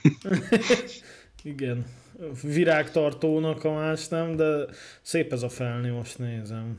És azért akkoriban, amikor ezt a kocsit csinálták, még baromira nem ez volt az alufelni építési divat, tehát hogy ezek, ezek, ezek ilyen, ami, ami általánosságban ugye a 2000-es években terjedt el körülbelül mi nálunk, az akkor volt a 70-es, 80-as években az olaszoknál. Csak uh-huh. mondom, hogy a hallgatóknak, így nézegetem itt a képeket er-, erről a bétáról. Mindenki googlizzon rá érdemes. Ja, jó, hát olasz autó. És akkor most mivel jársz most per pillanat? Most két olasz autóval. Kettő olasz? Mindig amelyik épp megy. Ezt én is így mind csinálom, a... nincs ebben semmi szégyelni való. Mind a, kettő, mind a kettő lekopogom, de kevésre fordít. Az egyikre semmit, na jó, nem igaz, mert hogy gyújtótrafót és gyertyát kellett rajta cserélnem. Ez oké, okay, szerintem belefér. A másikon, meg a hátsó híd szirent azért az egy nagy műtét volt.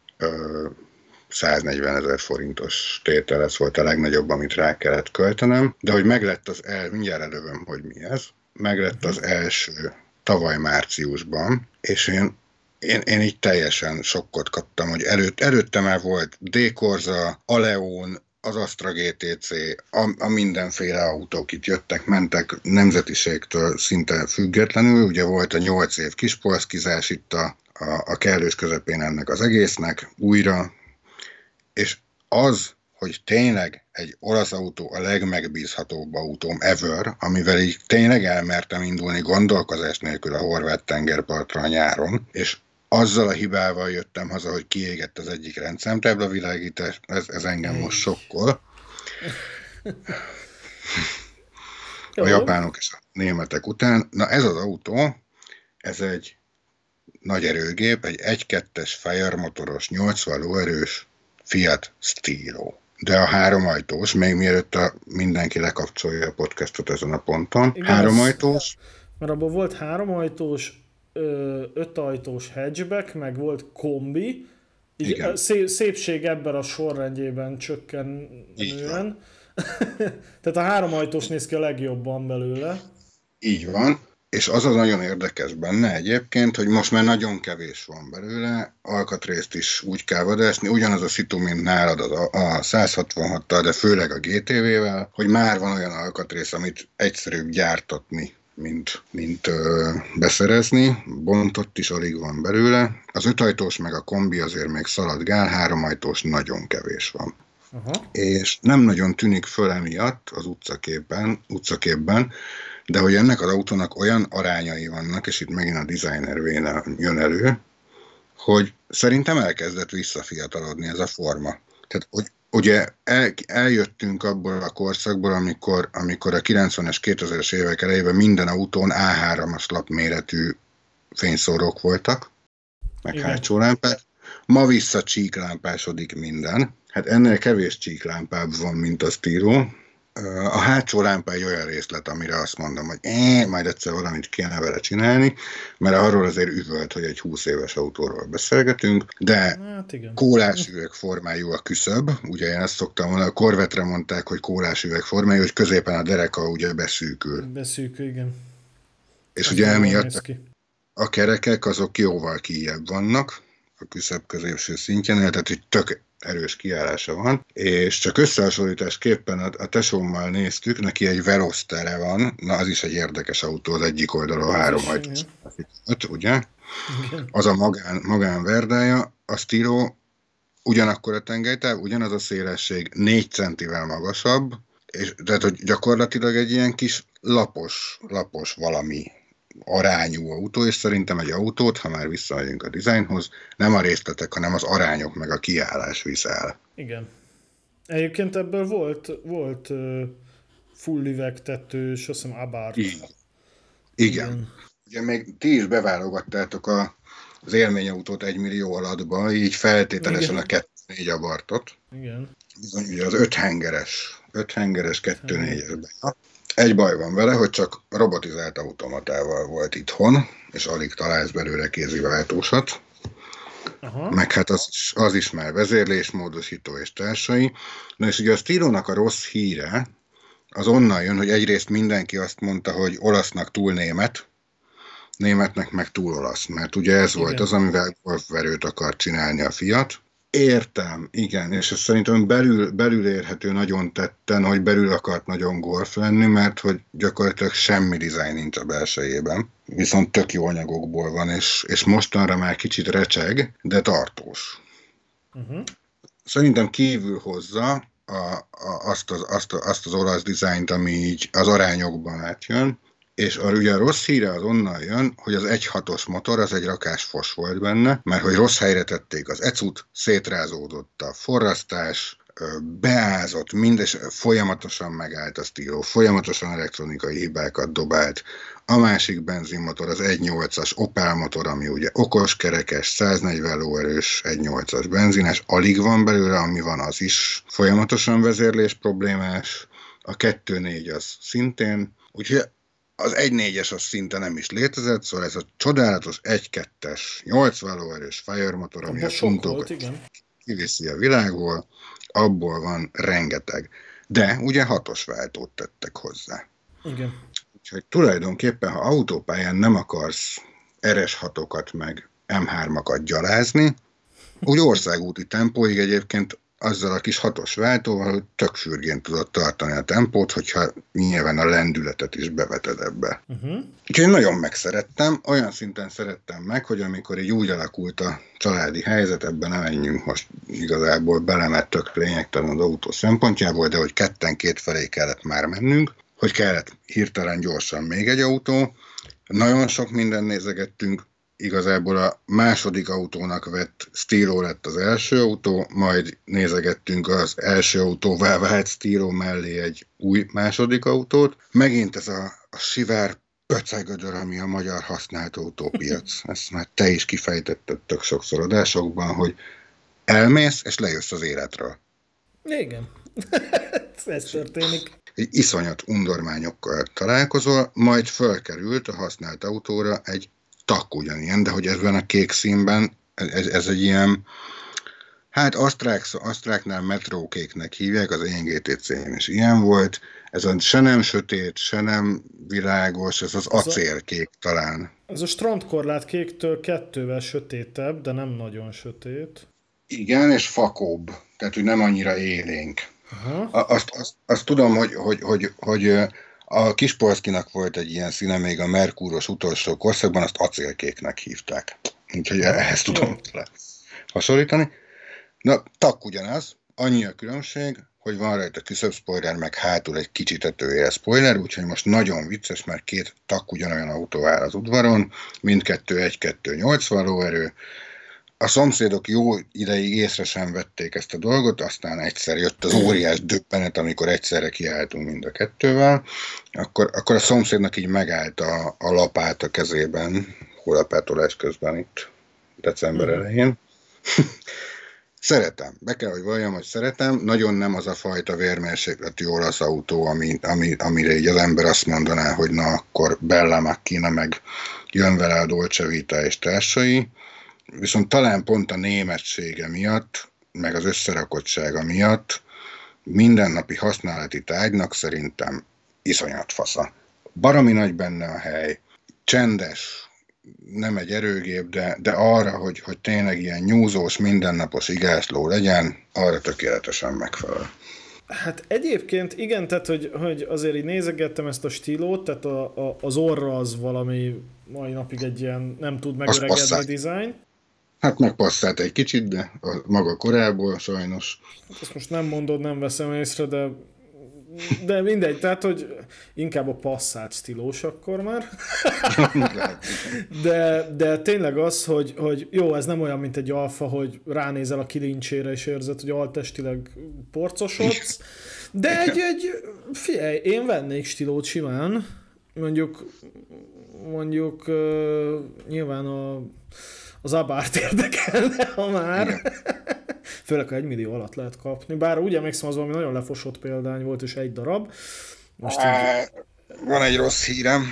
Van ah. egy 400, ha még megvan, pár hete még megvolt, 450 ér vagy 490 ért árulják, mert hogy nem veszi a váltó a sebességet, vagy P-ben marad, vagy valami ilyesmi, és hát így elmélyülve a fiatforum.com meg a tematikus Facebook csoportokban, mert, mert, mert kacsingattam sajnos, amikor a második stíló jött, ez ugye a robotváltónak a, a fokozatváltó szelepei közül az mhm. egyiknek a hibája okozza ezt, és az egy nagyjából ilyen, hát egy százezerből megvan ennek a javítása. Most e, mindezek mellett egy 2-4 abart, azt hiszem 2004-es, nem akarok hazudni, mert keveredhetnek az emlékek, de nincs benne 150 ezer kilométer, és tegyük hozzá képen, elég pöpecnek tűnik. Úgyhogy van egy millió alatt, hogyha a váltó, robotizált kéziváltóval való szívást az ember bevállalja, akkor, akkor talál szabartot. Hát Elég nézd, volt. E, e, én személy szerint engem kifejezetten érdekelt mindig az alfából a Celespeed, pedig azt mondták, hogy csak azt ne. Amúgy ez De, pont ugyanaz. Igen, és pont ugyanaz a robotizált automata, de hogy ennél tudták azt hiszem megoldani, hogy ilyen nagyon gyorsan vált, amikor az jó. Igen. Tehát, hogy ilyen nagyon forma, meg ebbe volt ez a F1 váltónak nevezett füles váltó bizony, először, bizony. és kicsit érdekelne, és hát figyelj, onnantól kezdve, hogy, hogy olasz autós vagy, mert az, hogy még egyel több dologgal kell szívni, az már, az már ilyen egyefene. Fő, főleg úgy, hogy, hogy, hogy tényleg, ha, ha lehet, lehet hinni a kettő autóra alapozott tapasztalatomnak, akkor azért olyan atomnagy szívások nem jönnek ezzel az autóval ezen kívül. Most nézem, hogy egyébként a stílóból jelenleg 34 darabot, nem? 40 darabot árulnak. És abból mennyi három látsz?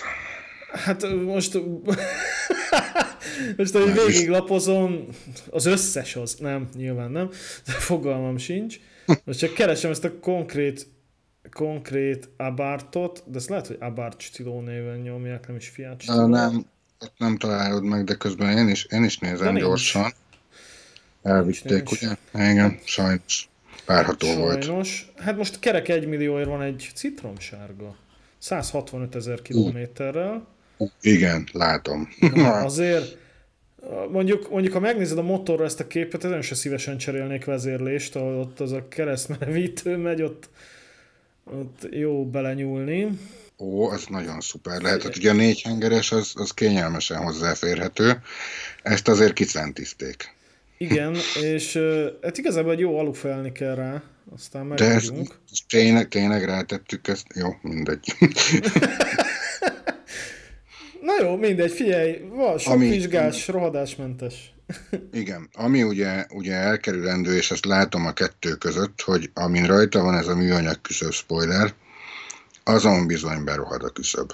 Aha, a másik, uh-huh. másikon egy gram rozsda sincs, csak ugye ebben gondolom elengedi az illesztés a kasznitól, és akkor a kis részeken bemegy a gratvasár, ami aztán meleg ágyat biztosít annak, hogy ott így dolgozzon a kis beplüttyet víz, meg a rozsda. Szóval igen. Igen, és az abartó sajnos van. Látom ajándék helles dobozzal a középkonzolban, meg ilyenek, de... igen. de jó. Viszont nincs kiszakadva az ülése. Igen, ez egész intakt ez a bőrülés.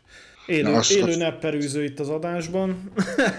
Na jó, Így. befejeztem a nyálcsorgatást, tényleg szép ez a kocsi. Nekem tényleg, tehát a stíló az, az nekem, ami a, nagyon-nagyon bejön, ez a citromsárgában. Tehát az, Igen. az uh. És az többnyire abart, ami citromsárga stíló, mert amúgy jó, van be egy-két piros, meg kék, de amúgy szürke-fekete a nagyja. De egyébként most megmondom neked az őszintét, hogy hogy már majdnem elcsábultam egy Nissan X-Trailre, mert én most ilyen Bamako oh. autókat nézegettek, és, és már majdnem meggyőzött egy youtuber srác, hogy az jó terepre, de aztán, aztán egy elengedtem, hogy nem, nem kell nekem most 600 ezerért motorhibás x t venni. Na és mesélj már, hogy miket nézegetsz meg a Bamakóra. Még mik jöttek képbe? Ez érdekelne, hogy mi az hát elnyűhetetlen lista.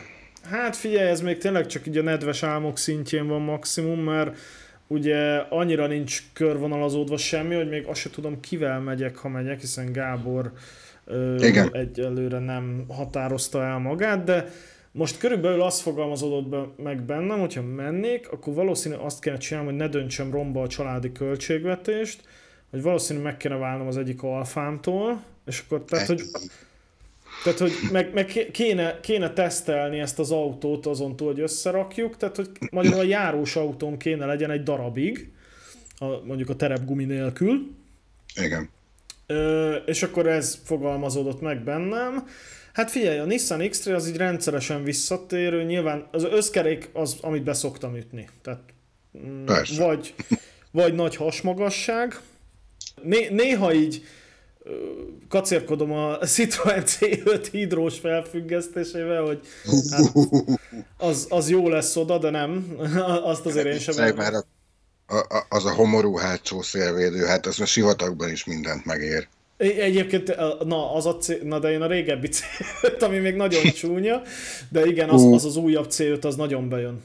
Kombi úgy néz ki hátulról, mint hogyha egy csőből vágták volna ki egy darab, csőből vágtak volna ki egy darabot. Tehát ilyen konkrétan henger, henger keresztmetszetűnek tűnik az az autó hátulról. Hát igen, de igazából úgy vagyok, hogy Bamako most nézegessék az afrikaiak, aztán Persze. utána meg nem tudom mi lesz vele, én meg férjek el benne. Na mindegy, meg hát ketten elférni benne igazából, mert egyedül nekivágni a Bamakónak azért ez kicsit így elsőre nekem egy kicsit még azért nem vagyok elég bátor hozzá. Na mindegy. Persze, de a cuccotok is elfér bőven. Az is elfér, akkor uh, szoktam nézegetni, hát ilyen összkerekesek, néha kacérkodok ilyen kalandvágyból Jaguar X-Type-al, szintén, zidás Bamako autó nyilván, egy 800 ezer forintért vett X-Type, és olyan megbízható modell hírében áll az összes Jaguar, nem? Igen, úgy általában. Igen. Várja, most rákeresek mindjárt gyorsan az összes mind a 80 darabra, amit 1 millió forintért adnak, és akkor megmondom, hogy melyik így kapásból, ami, ami azt mondom, hogy elmernék vele indulni. Volt egy, volt egy Suzuki Baleno 1.6 összkerék, az egy kicsit kombi, az egy kicsit érdekelt. Azt mondjuk, szerintem kimegy a világból. Igen. igen. Az, az elég hangzik. Mi, mi romolhat el? Ugye ott, ott a, a Balenónál rohadás. A bölcső, bölcső rohad el, és kiszakad belőle az egész hajtáslánc, de ha azt rendbe hozod, elméletileg még a kasztni sem annyira vészesen, de hát most a Bamakóra, figyelj, hogyha teherviselő részen nem egérrágta, akkor... Hát igen, ennek a sárvédője hátul az már rügyezik, de csak kicsit, Aha. nem nagyon. De amúgy, hát látszik, hogy ilyen, mit tudom, bőrkormány lekopva, meg ilyenek, de ez kit érdekel nagyjából, Bamakóra. Na de ez, ez például konkrétan érdekelne, akkor vannak ezek a Mazda tribútok, ami ugye a, az egy SUV, a, a Ford Escape, meg a mi a Maverick?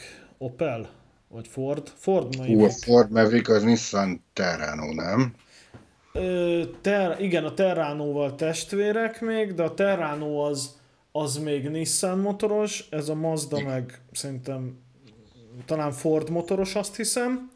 Imies a régi Terrano, ami nem a Maverick előtti, hanem a, a vízszintesen juggatott motorháztetejű, az létezik még olyan, amit létezik. nem udvaroltak össze? Hát néztem, nem az, olcsó. Az, egy, az egy, egy hét dízel az ilyen másfél millió, ami úgy valami, valami kinéz. Aha. Az egy, az egy nagyon király kinézetű autó, tudom, hogy a Bamakóra nem ez számít, de, de az, egy, az egy ilyen igazán kívánatos offroader szerintem. Hát, na igen, tehát az egy rövid, összkerekes felező diffizár, amit akarsz kicsi, tehát inkább egy személyes, mint kettő, de alapvetően az terepre született. Tehát, de ennyire nem adnak olyat, akkor Subaru Legacy, az, uh-huh. egy, az egy, egy sima kombi, 560 ezer kilométerrel. Na szóval ilyen, várjál, van egy Suzuki Wagoner Plus 1.3 GLX 4x4. 4x4. 4x4, de szerintem azt csak elírtam, hiszen a Wagonerből volt 4x4. De... Uh, azért gondolom, hogy mégsem, mert ugye Ignisből volt. Ignisből volt. Szerintem, szerintem olyan óriás különbség nem lehet a hajtástánc között, max rövidebb a kardán. Igen, na most azért egy vagon erről szomszédfaluig megfájdul a seggem, nem hogy Afrikáig, tehát hogy azért biztos, hogy egy, nem tudom, egy Alfa 166-nak az ülését valahogy belepasszíroznám. Tehát, És egyébként a... az Ignis, ha már így szóba jött, az is ugyanezzel volt, a problémával nyilván, de... Az is volt, és megvannak az egyik exemnek volt olyan, ez az 1.5 négy kerék meghajtású, Hát, nem megy nagyon, nem megy rosszul, ez 99 ló, de az is írtatlan kényelmetlen az ülése, hangos, abba valami nyű, nyűnyörgött mene, menés közben, nem tudom másképpen, hanem szerintem valamelyik motortartó bak, vagy valami ilyen ezt hallgattad végig benne, azt hittem meg őrülök tőle.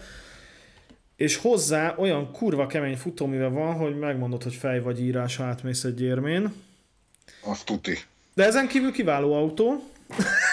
hát jó, csak mondjuk egy ilyen terepre, terepre azért az ember minimum egy férfi alkarnyi rugóúttal szeretne készülni, hosszában értettem, és nem, nem egy olyannal, ami, ami leolvasod a fej vagy írást.